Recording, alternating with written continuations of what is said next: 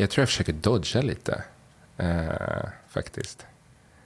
Eh, jag tror det finns mycket hos min pappa, definitivt. Att, mm. att inte ha känt den tryggheten och den kärleken och den acceptansen som hade följt med. Hur gammal var du när han försvann? Eh, han var aldrig en del av, av mitt liv. Jag träffade honom vid två tillfällen kanske. Sista gången när jag var fem, sex. Mm. Um, och sen så, ja, han var inte med när jag föddes heller. Så att, uh, han har inte riktigt varit kapabel till att ta den rollen. Jag tror att för mig var... Så han har svikit dig? Ja, det skulle jag absolut säga. Mm. Uh, definitivt. Men det har ju också lärt mig en hel del. Och, och jag tänker framförallt att för mig var det att försöka förstå varför han valde andra framför mig.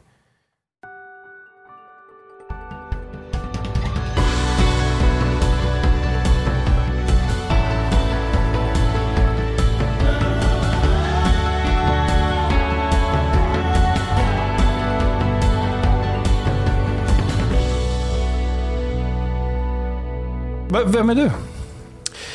Eh, Daniel heter jag. Och jag jobbar väl som journalist, frilansande journalist och kommunikatör. Eh, hoppar runt väldigt mycket, gör olika saker, tycker om liksom variation. Drivs väldigt mycket av det. Eh, riktig stockholmare, även om jag bott lite här och var. Jag bodde i Piteå i två år, jag brukar dra fram det kortet. Och så bodde jag i Colombia i tre år. Så lite... hur ser Piteå-kortet ut, blir nyfiken på? Ja, men så att man inte tror... Ja, men lite fördomar följer med att så här, Daniel har ingen körkort, Daniel är i Stockholm, allt det där. Men eh, det är väl mer att visa att man har sett lite och erfarit lite olika saker här i livet. Och de olika sakerna, det är kortet Piteå och det är kortet Colombia. Exakt, det är det är. Piteå, Stockholm och Colombia. Ja.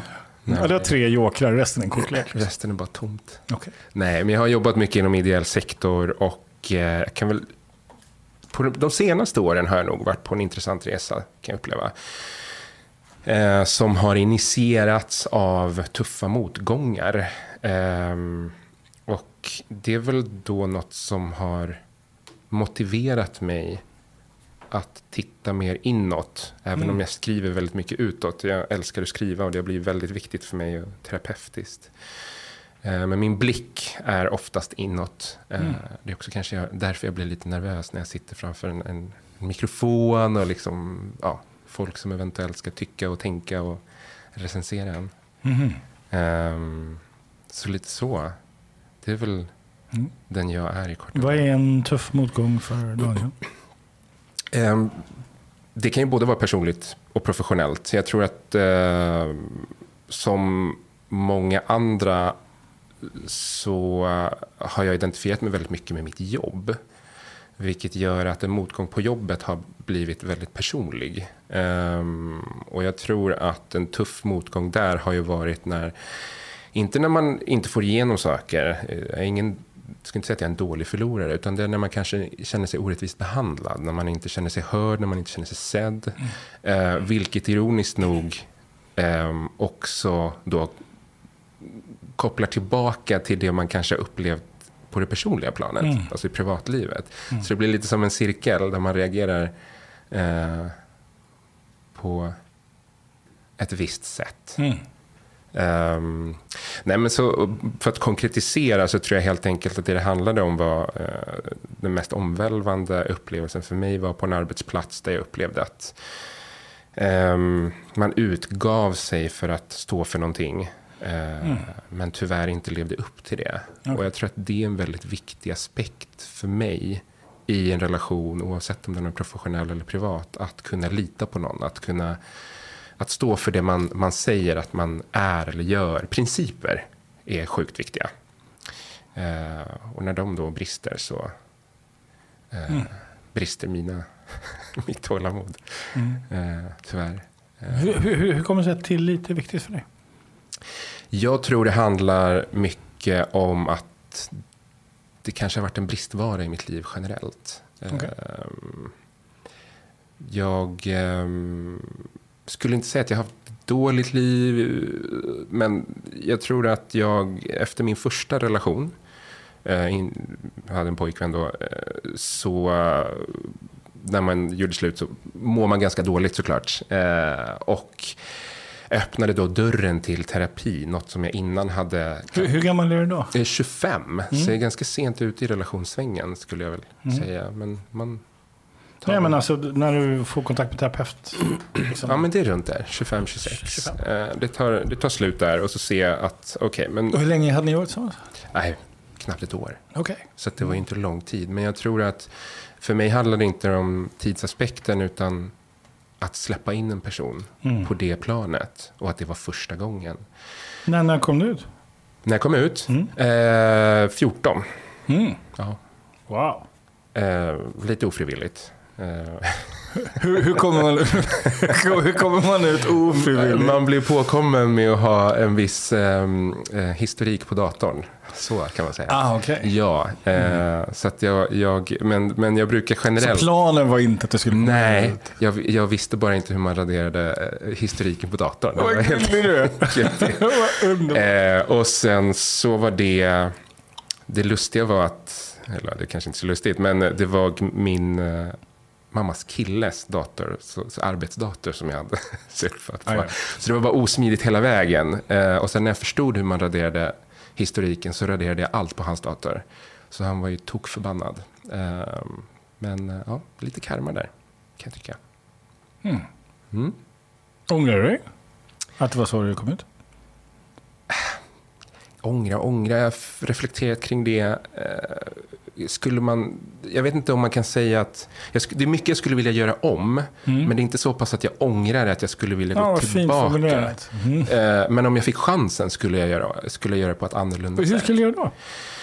Ja, ja, men jag tror framför allt att det handlar väl om hur andra skulle göra. Jag tror Mm. att det jag tar ifrån mig, tar, tar med mig därifrån är ju att man outar inte en person. Mm. Eh, och man outar inte en, ett, ett barn Nej. på det sättet. Eh, man ser och pratar med eh, en person, även om det är ett barn. Mm. Eh, och jag tror att jag, jag saknade det. Så att det här skulle man kunna säga är ett exempel på den bristande tillit som jag då anammade under de här åren och som har varit så viktig för mig eh, generellt. Men eh, sen får man ju också förstå att vi är människor. Alltså, någon gång kommer någon, så jag är inte helt nitisk eller eh, rabiat kring att säga, jag måste kunna lita på dig, du får aldrig göra fel. Ja. Men det är där också den kommunikativa delen kommer in. Att kunna prata om det. Eh, och det är därför jag tycker det är så viktigt att vi, vi gör någon sorts intro, introspektion. Att vi tittar på oss själva. Jag har ju fuckat upp och fuckar upp hela tiden. Mm. Ja, vem, who doesn't? Exakt. Så att det, är, det är ingen perfektion jag är ute efter. Men tilliten byggs ju med samtal och, och eh, trials and errors, tänker jag. Ja, och relationen till sig själv. Exakt. Måste man vara uppmärksam på vilken del i mig är det jag pratar med just nu. Liksom, vad, och vad är det som pågår hos mig? Så litar jag på det? Till exempel. Ja, men precis. Det är ju jätteintressant att du nämner det. Självtillit, eller liksom tillit till sig själv. Och den har ju också varit lite skev på många sätt. För mig i alla fall. Eh, säkert för många andra. Ehm, ja, men där man kanske har gjort val som eh, inte har varit de bästa. Medvetet eller omedvetet. Ehm, och där nästan skulle vilja säga att man... Man, det, du märker att jag liksom externaliserade. Jag... ehm, Vad fint att du är så medveten om vad som pågår. Liksom. Ja, men det, blir nästan, det blir nästan som ett eh, filter, för jag, vill, jag kommer in i det. Men, men det, ibland känns det som att jag väger mina ord på, försöker i alla fall väga lite mina ord. Ja, absolut. Och, eh, men det pågår mycket i huvudet. Mm. Ehm, det jag tänkte säga glömde jag bort nu. Ja, det. Jag, jag, jag, jag, jag, tänker, jag, jag är lite nyfiken på uh, den här pojkvännen. Du är 24-25, ni är tillsammans ett år. Mm. Det är drygt tio år efter att du kommit ut. Mm. Uh, uh, och är, är det liksom din första relation, seriösa relation? Liksom? Ja. Ja. Och så... eh, Och sen har du nämnt att tillit är viktigt för dig. Mm, mm. Hur hänger de här två ihop? Ja, men, eh, om vi tittar på livet, alltså mitt liv rakt igenom så, eh, jag hade inte den bästa erfarenheten i den relationen. Eh, jag kom ut eh, rätt illa tilltygad.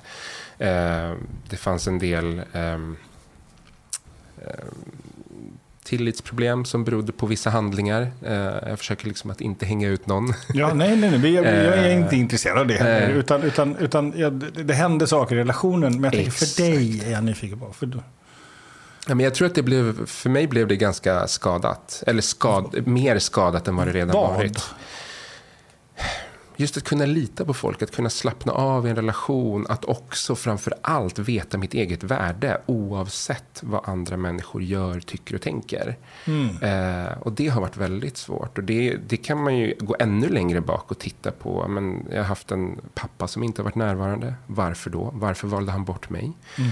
Eh, vi har haft eh, första killen. Um, sen har jag haft andra personer som jag har känt i min närhet som har svikit. Och liksom, uh, växt upp i en familj där jag har varit väldigt mycket yngst. Vi var tre syskon.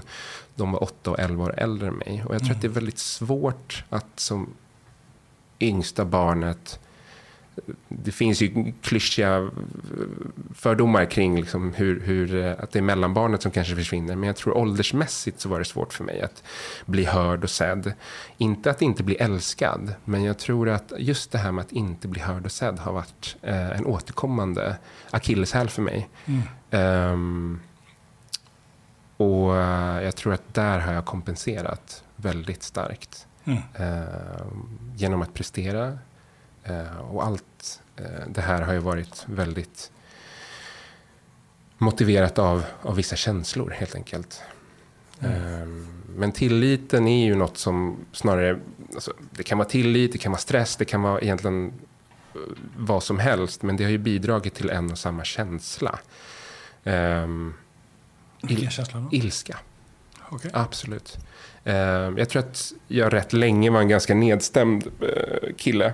Ehm, och jag märkte hur det, det passiviserade mig. Liksom jag blev väldigt passiv i den, den känslan. Jag kunde liksom verkligen gå in i det och sätta på sorglig musik och lägga mig i soffan och tänka på att livet har ingen mening. Och ja, men du vet så här melodramatiskt och eh, väldigt Latino, tänkte jag.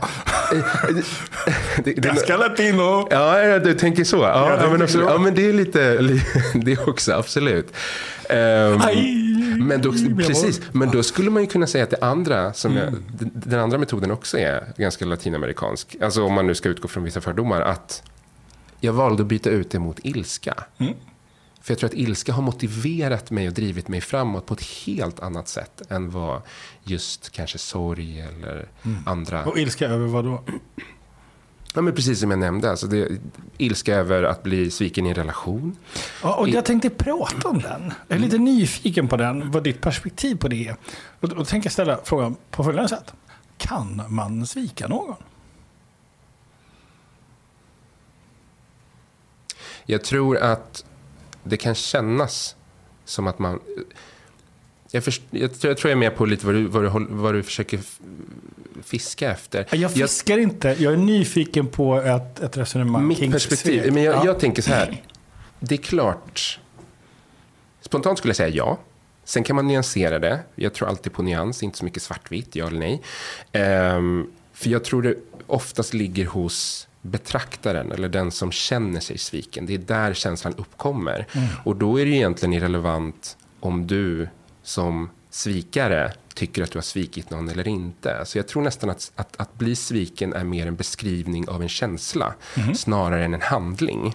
Jag, tänker, jag, jag undrar om inte känslan av svek är en effekt av en tanke mer än någonting annat. Berätta, förklara. Jag tänker att vi tänker, uh, nu har jag blivit sviken. Ja, men precis. Att, att, att den som blir utsatt för ja. det. Men det, det, det, gör det ju fortfarande till en verklighet. Um, Berätta. Hur, hur, hur då? Ja, men, att man tänker och antagligen också känner att man har blivit sviken. Mm. Lika mycket som jag gick och la mig på soffan och lyssnade på sorglig musik och verkligen gick in i att livet har ingen mening och jag är så ledsen. Och det blev ju min verklighet. Tills jag tar ett steg utanför det mm. och väljer någonting annat. Mm. Uh, jag säger inte att det är så pass enkelt att man bara kan, ja, men nu, nu är jag skitarg, nu är jag skitledsen, men nu väljer jag att bli, vara glad. Jag tror inte mm. riktigt på ett så, um, um, ett sånt cleant val. Jag tror att det är en, en del av en process. Att välja att ta sig till en plats. Men jag tror, för mig i alla fall, har det inte varit eh, från ena dagen till den andra. Att bara välja bort en känsla. Nej, men i slutändan är det ju det man gör. I slutändan. Jaha, men jag tror men att det är finns en process. Exakt. Ja, men det är det jag menar. Vi är inte Eh, du galna liksom. nej, nej, men precis. Människor. Exakt. Mm. Ehm, Men i slutändan så är det ett beslut. Jag, jag tänker att jag, jag gillar ju att tänka tanken att saker och ting, att saker och ting är enkla. Hellre än att tänka saker och ting är komplicerade. varför då? Det är mycket lättare. Livet är mycket lättare så. Men är de enklare? Jag tror, att, jag tror att de är enkla, men att vi är människor och vi människor har en tendens att komplicera saker och ting. Ja. Jag är ledsen och då börjar vi, till exempel om jag, om jag säger då att jag är ledsen och så börjar jag då leta efter ett sätt att ta mig ur begreppet ledsen. Och då letar jag massa orsaker och varje, varje sak jag hittar blir ju en bekräftelse på att jag är ledsen. Och så håller jag på att jobba med det tills dess att jag, okej, jag är ledsen. Is- Istället för att bara konstatera att jag är ledsen och det är okej. Mm. Så, så har vi, vi har tendens att göra saker och ting större för att de ska bli begripliga för oss. Men till syvende och sist, en, en, en process av att ha blivit utsatt för ett svek och någonting jobbigt, det kommer att landa förr eller senare i ett beslut som är, jag är klar. Nu behöver jag någonting annat. Så, så att, ehm, och, och, och jag tänker att det, det är en tröst när man är där, mitt i en smärtsam process, att veta att jag kommer att landa i ett beslut. Och att jag själv kommer behöva ta ansvar för det här förr eller senare. Mm. Men, men sen är det också intressant det här med eh, massa saker som du har sagt. Som, som, som jag... Och jag tänker så här, känslan av svek. Eh, såg du, tänkte du på vad du var du gjorde med händerna när du pratade om känslan av svek? Ehm, jag har en tendens att pilla lite på... Jag vet inte vad jag gjorde. Nej, nej okej, du vet inte vad du gjorde. Ja, så här, jag ska visa hur du gjorde. Mm. Eh, hade, du höll i någonting så här. Och så sa du, och så i mig och utanför. Så, så det, var, det var som att det var två, två grejer du höll. Det var väldigt jämnt. Och så här, i mig eller utanför. Så här. Känslan av svek i mig. Så, och då blir jag nyfiken, vad är, vad är det? Om du håller upp händerna så här. Då blir jag nyfiken på, vad är det? Vad är det du håller i när du pratar om svek? Som är, vad, är, vad är det som finns här? Eh, Spontant skulle man väl säga mitt hjärta och någon annans. Ett Okej. förtroende. Eller det är ju, alltså i en relation så är det ju flera förtroenden tänker jag. Och det är väl lite det jag menar med ehm, att man har fått Mm. ett privilegium att få någons förtroende. Så ser jag på det. Mm. Ehm, och att då den andra personen som har gett dig den här gåvan känner att du har svikit. Sen går det att missbruka. Jag menar inte att det är liksom så här. Varje gång du känner dig sviken så behöver jag ta hänsyn till det. Eller varje gång du ger mig ett förtroende. Men, men jag tror att det jag höll där var nog förtroende. Kan man vara värd att få ett förtroende? Man kan vara ovärd att få ett förtroende. Så det skulle ju göra att man absolut kan vara värd att få ett Är du förtroende. värd att litas på? Ja. Är andra värda att få ditt förtroende? Ehm, det vill jag tro. Men jag tror att i grund och botten så handlar det väl om att vara lite rädd. För vad då? Ja, men för att gå igenom den här emotionella turbulensen. Och precis som du säger, jag vet ju att jag kommer ut på andra sidan. Jag har varit där förut, om det nu händer igen. Eh, jag har flugit genom den här turbulensen eller emotionella skottlossningen eller vad man ska kalla det. Men... ehm, Du får inte alls dramatiska beskrivningar. Nej, du sa ju latino så att eh, jag går all in nu. Ehm, men jag, jag, det gör ju likväl ont. Ehm, så att det är ju det är med den rädslan. Ehm, sen tror jag att det blir bättre och bättre. Ju äldre, eller snarare ju mer erfaren jag har blivit så blir det bättre och mer hanterbart. Men det finns vissa, jag tror att min Mount Everest-topp är liksom Din pappa. Ja, det, det finns mycket där. Definitivt. Eh, men jag tror att det handlar om Mm. ja, men nära relationer. Alltså det låter ju väldigt banalt. Eller distanserat. Mycket grundar sig säkert. Vad hände hos dig alldeles nyss? Jag tror jag försöker dodga lite, eh, faktiskt. Eh, jag tror det finns mycket hos min pappa, definitivt. Att, mm. att inte ha känt den tryggheten och den kärleken och den acceptansen som hade följt med. Hur gammal var du när han försvann? Eh, han var aldrig en del av, av mitt liv. Jag träffade honom vid två tillfällen kanske. Sista gången när jag var fem, sex. Mm. Um, och sen så, ja, han var inte med när jag föddes heller. Så att, uh, han har inte riktigt varit kapabel till att ta den rollen. Jag tror att för mig var... Så han har svikit dig? Ja, det skulle jag absolut säga. Mm. Uh, definitivt. Men det har ju också lärt mig en hel del. Och, och jag tänker framförallt att för mig var det att försöka förstå varför han valde andra framför mig. Vad sa du? Eh, varför han valde andra framför mig. Mm. Han hade fler barn. Ja, säg det där en gång till. Varför han valde andra framför mig. Du hör vad du säger nu? Ja. Mm. Det gör jag. Men jag tror att den insikten... Um, för jag letade upp honom uh, för några år sedan. Uh, åkte till Chile och uh, träffade honom och kände väl att jag kanske inte stängde kapitlet, eller jag stängde kapitlet med honom. men jag tror att den, det arbetet fortsätter. Alltså det mm, finns... Så vilket kapitel öppnade du? Nej, men det är kapitel två, då börjar kapitel tre. Exakt, men arbetet med mig själv. Det är nästan som att jag har funderat på om att okej, okay, det här hände.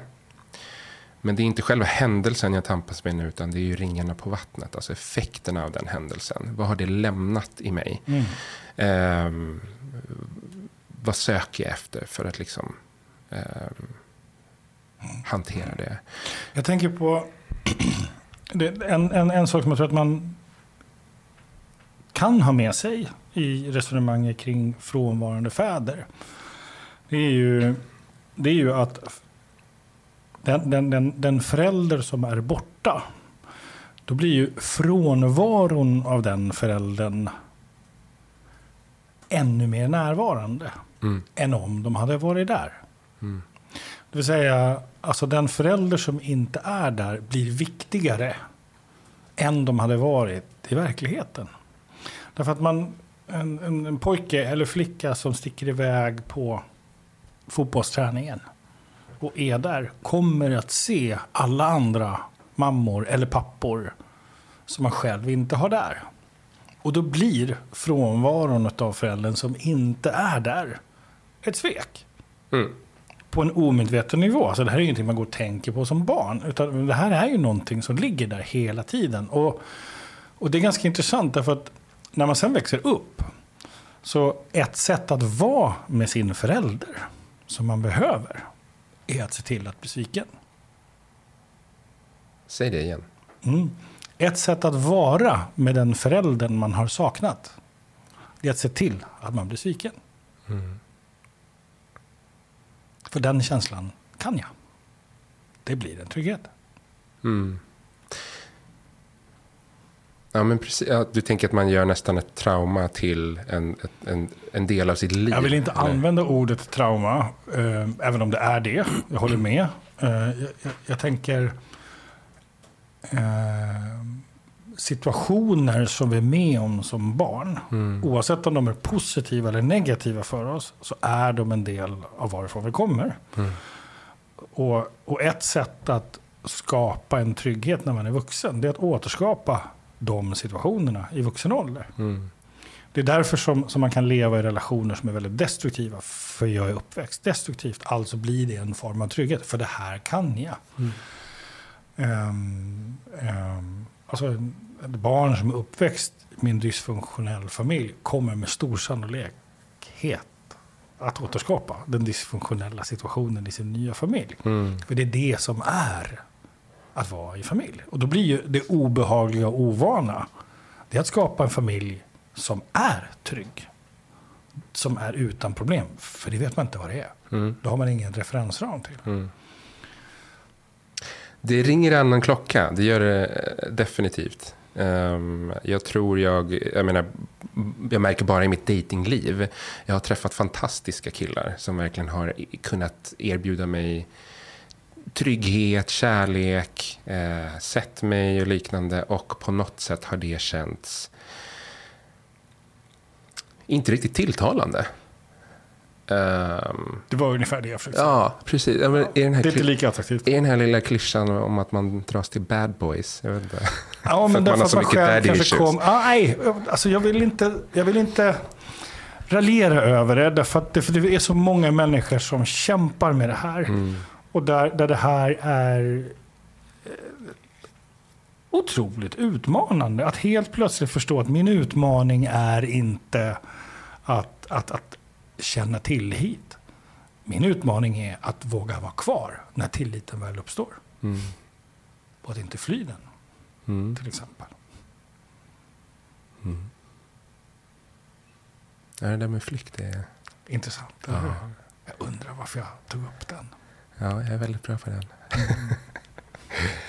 Mm. Precis. Um, jag hör vad du säger, definitivt.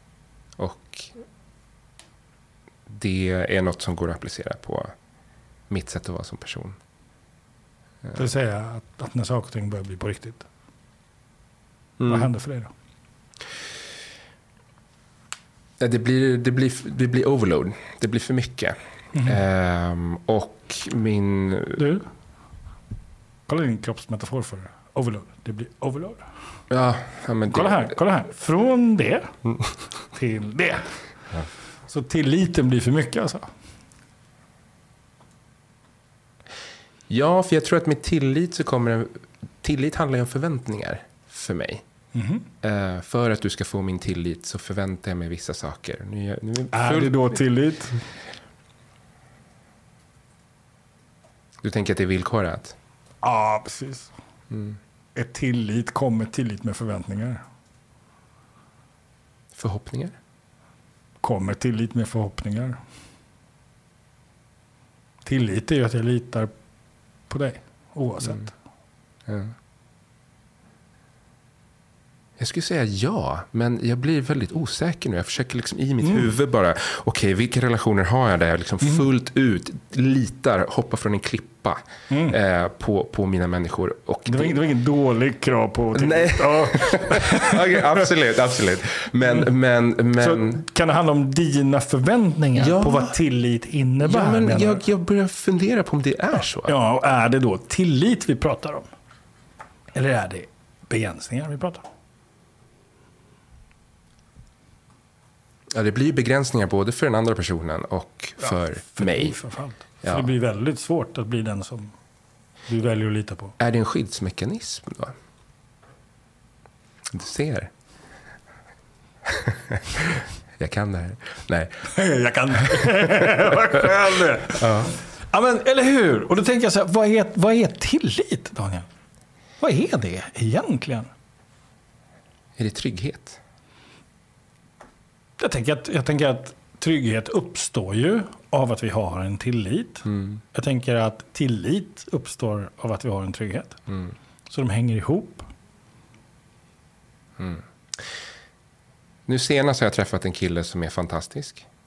Eh, verkligen på alla plan. Eh, otrolig kemi, intellektuellt utmanande, attraktion.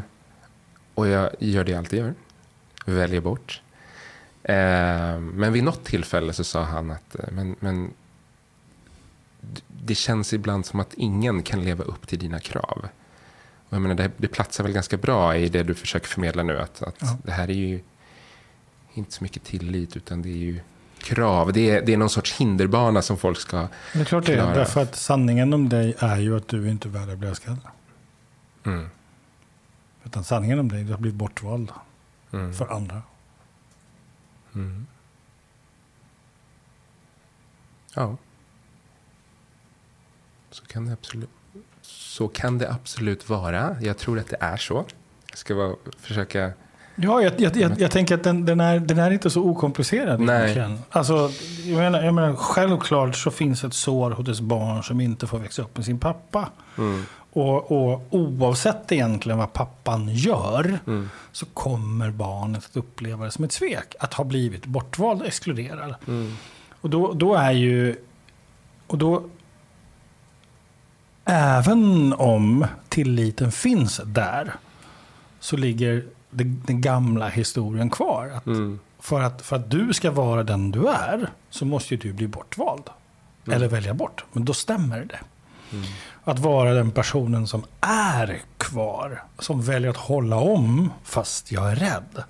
Som väljer att ja, vi kan titta på en liten tv-serie ikväll. Vi måste inte gå ut och göra stan eller göra värsta värsta. Utan vi kan vara lite lagom. Det är det mest utmanande i livet. Ja, det är det. Absolut. Ja, och då tänker jag, då är det ju där kampen är. Det är där fighten är, att börja upptäcka liksom, vad är det jag behöver idag då? Mm. Än att leva min gamla sanning om mig själv, Ja. tänker jag. Vad tänker du?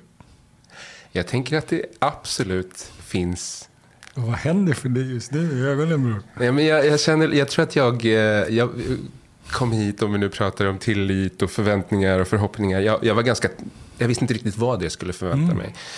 Eh, och coach, som du säger. Det är ett ganska diffust begrepp eller liksom område. Eh, men jag tycker att du har pinpointat det väldigt bra. Och jag vill... Du ser berörd ut. Ja, nej, men jag, jag tror det. Eh, eller jag är det. Eh, Och vad är det då vi har lyckats beröra? Vad är det för känsla i dig? På ett sätt blir jag glad. Mm. Ehm, för att jag tror att mitt huvud oftast blir mycket av en ekokammare. Eh, det pågår så Åh, mycket. vilken bra sägning. Ekokammare, lyssna på den. Ja. En ekokammare, det betyder att om jag säger någonting, då får jag samma svar tillbaka. Och inte bara det, utan det ekar kvar. Så när jag säger något annat så grumlas det. Ehm, så att det blir, till slut vet jag inte vart, vad som började först. Och, Mm. eh, och därför är det ganska, eller väldigt intressant och givande att kunna Mm. säga saker högt. Mm. och att bolla det mot någon annan. Så, så å ena sidan så blir jag väldigt glad över det, att det här blir ju något som jag kan reflektera kring och jag gillar att bli utmanad. Ehm, å andra sidan så blir jag, känner jag också den här så välbekanta sorgen Mm. över att inte bara saker som jag har varit med om, utan generellt att, att precis som du sa, det finns så många där ute som kanske lever igenom samma sak. Mm. I att bli bortvalda, att inte känna sig värda och bli älskade. Ehm, det gör mig jätteledsen. Mm. Ehm, jag kommer ihåg, men jag tror att den barnsliga naiviteten har det är, ingen, det är inte något som tillhör bara barn, utan det är något som de flesta kanske skulle önska att alla var glada och lyckliga. Men jag tittade på en dokumentär när jag var barn om så här, djurförsök och började storgråta. Och så kom min brorsa och förstod inte riktigt, men vad är det som har hänt? Jag vill bara att alla ska vara lyckliga och glada och snälla. Och det, är liksom, det finns någonting i mig fortfarande som håller fast vid det. Mm. Jag vill bara att folk ska vara glada och snälla mot varandra. Så jag blir ledsen. Jag blir ledsen över att folk behöver genomleva sånt här. Men det är också en möjlighet att växa. Mm. Så att det är dubbelt. Mm. Vad fint, tack. Mm, tack själv. Ja, jag, jag tänker den här fyra, femåriga killen Mm, som börjar förstå att pappa är frånvarande. mm, Som, som bör på, på, på fyra och femåringens sätt. Sådär. Sex, sju, så. Inte vet jag. Förskolan. Alla andra pappor är där. Inte min egen pappa är där. Och så. Vad, vad hade, ifall du idag kunde ge den killen någonting? I form av en handling eller en sägning eller en, en sak. Är det någonting som du skulle vilja ge honom? Vet du vad, jag har inte tänkt det förut. Det, men det är en bra fråga. det. Och, men jag vill bara sticka in att när jag var barn och rätt lång tid och även när jag tänker tillbaka till den perioden så brukar inte jag tänka att vad kunde jag ge honom eller mig själv utan vad skulle jag kunna ge till min mamma? Ja, det vet jag. Eh, och jag, jag brukade fantisera om när jag var barn att jag skulle ha en tidsmaskin så att jag kunde åka tillbaka när jag var vuxen. och liksom hjälpa henne och Mm. ja, ställa upp. Så att, Och, och, och, så här, jag har inte ens berört den än med, med mamma. Så vi, vi kan ta en, ett till avsnitt. Kan vi prata mamma? men, men, men absolut, Men, men jag är nyfiken på, Mm. jag, jag, jag vill lära känna honom lite grann. Den här lilla killen som är 4-5, eh, som, inte vet jag, kanske har förskolan. Och som börjar liksom upptäcka, förstå, pappa är inte här. Mm. Så om du skulle ge honom någonting idag, vad skulle du kunna tänka dig? Om vi provpratar, provtänker kring det här. Det som spontant kommer upp i huvudet är ju en närvaro. Okej. Ge, ge honom en närvaro. Och hur, hur skulle du göra?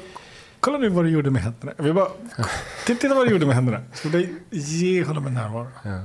Ja, kan du bara hålla så? Skulle ge honom en närvaro? Mm. Cool. Vad finns där? Jag ser bara en bild av att jag sitter och, och hänger med mig själv. Eh, jag sitter på soffan och tittar Mm. på tv-program. Och umgås med honom under hans premisser. Ja, hur då? Vad är det du gör då? Vi tar soffan. Intresserad av vad han tycker, vad han tänker, vad han känner. Och hur visar du det? Jag frågar. Jag ser. Är det det han Pratar. behöver? Behöver han någon som frågar honom och pratar honom, med honom? Jag vill tro det. Mm. Jag, jag tror det. Och Om man sitter där då? Om man satt där? Jag hade ju kramat honom också. Ah, Okej, Absolut. okej. Nej, nej, jag hade kramat sönder honom. Då kan man sönder honom. Hade han behövt det? Det tror jag.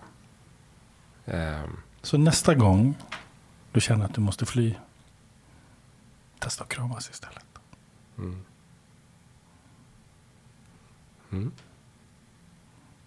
Håll klaffen.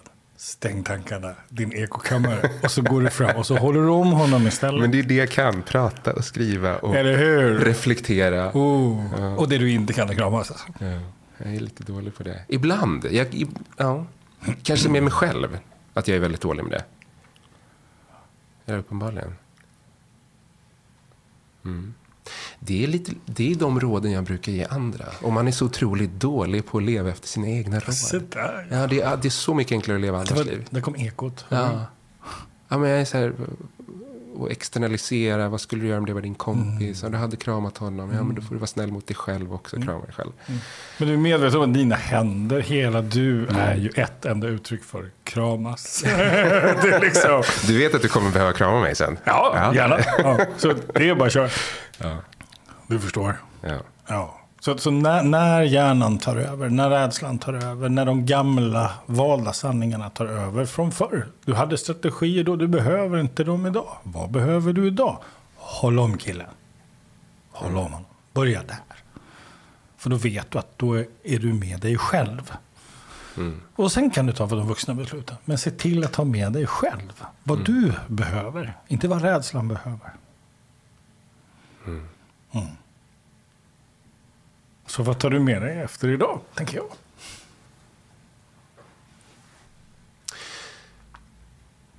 Jag kom hit och tänkte att jag skulle prata om ilska. Det var liksom det. Och att, att, för mig har det varit väldigt svårt att släppa den. För det har varit en bra motivator och det har drivit mig framåt.